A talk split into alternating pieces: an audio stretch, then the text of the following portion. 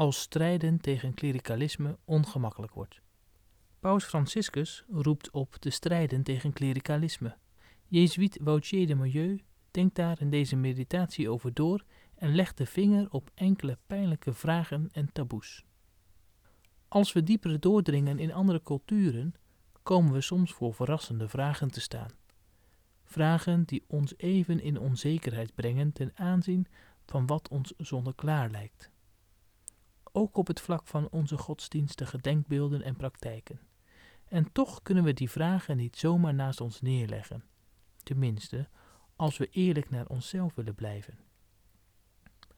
Kijk naar dit spleetrommeltje dat in de Jaka-cultuur in Zuidwest-Congo het hoofdsymbool is van de waarzeggerij. En laat mij toe er even de symboliek van toe te lichten. Je vindt deze afbeelding op www.igniswebmagazine.nl. Het corpus van het trommeltje stelt duidelijk en toch discreet de vrouwelijke geslachtsorganen voor. Deze zijn de verplichte weg waarlangs nieuw leven, vanuit het rijk van de voorouders, dit aardse leven binnenkomt. In omgekeerde richting en langs bepaalde ritualiseringen van de begrafenis zijn ze ook de verplichte weg om na de dood tot nieuw leven herboren te worden in datzelfde rijk. Daarmee komen deze geslachtsorganen, zonder die bedoeling te hebben, de opwerping van Nicodemus tegemoet. Kun je soms nog eens de schoot van je moeder binnengaan om opnieuw geboren te worden? Uit Johannes 3, vers 4. De geslachtsorganen zijn ook de weg om de waarheid te achterhalen. Tijd en ruimte, eigen aan deze aardse werkelijkheid, maken de leugen mogelijk.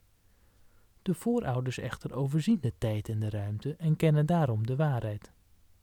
Zo is de vrouw de verplichte weg om de waarheid uit het rijk van de voorouders naar ons te halen, omdat zij de verbinding maakt tussen die twee werelden. De man wordt gesymboliseerd door een stokje dat met een koord aan de hals van het trommeltje is vastgebonden. Met dat stokje wordt geklopt om de toegang tot de waarheid, eigen aan de vrouw, te activeren.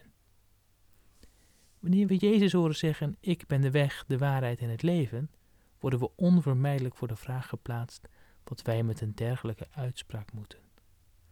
Mogen we deze uitspraak in verband brengen met wat een ruimere cultuurantropologische context ons aanreikt? Misschien mogen we zelfs verder gaan en vragen stellen zoals: hoe kan men aan de vrouw de toegang tot het sacrale ontzeggen? Haar laten weten dat zij niet geroepen is om een rol als bemiddelaar te vervullen tussen God en de mensen, omdat dit tegen de wil van God zou ingaan? Kan men de vrouw weigeren de woorden uit te spreken: Neem en eet, dit is mijn lichaam terwijl zij op de eerste plaats haar eigen lichaam als voedsel aanreikt om nieuw leven in haar te laten ontkiemen en dit buiten haar verder te laten ontplooien.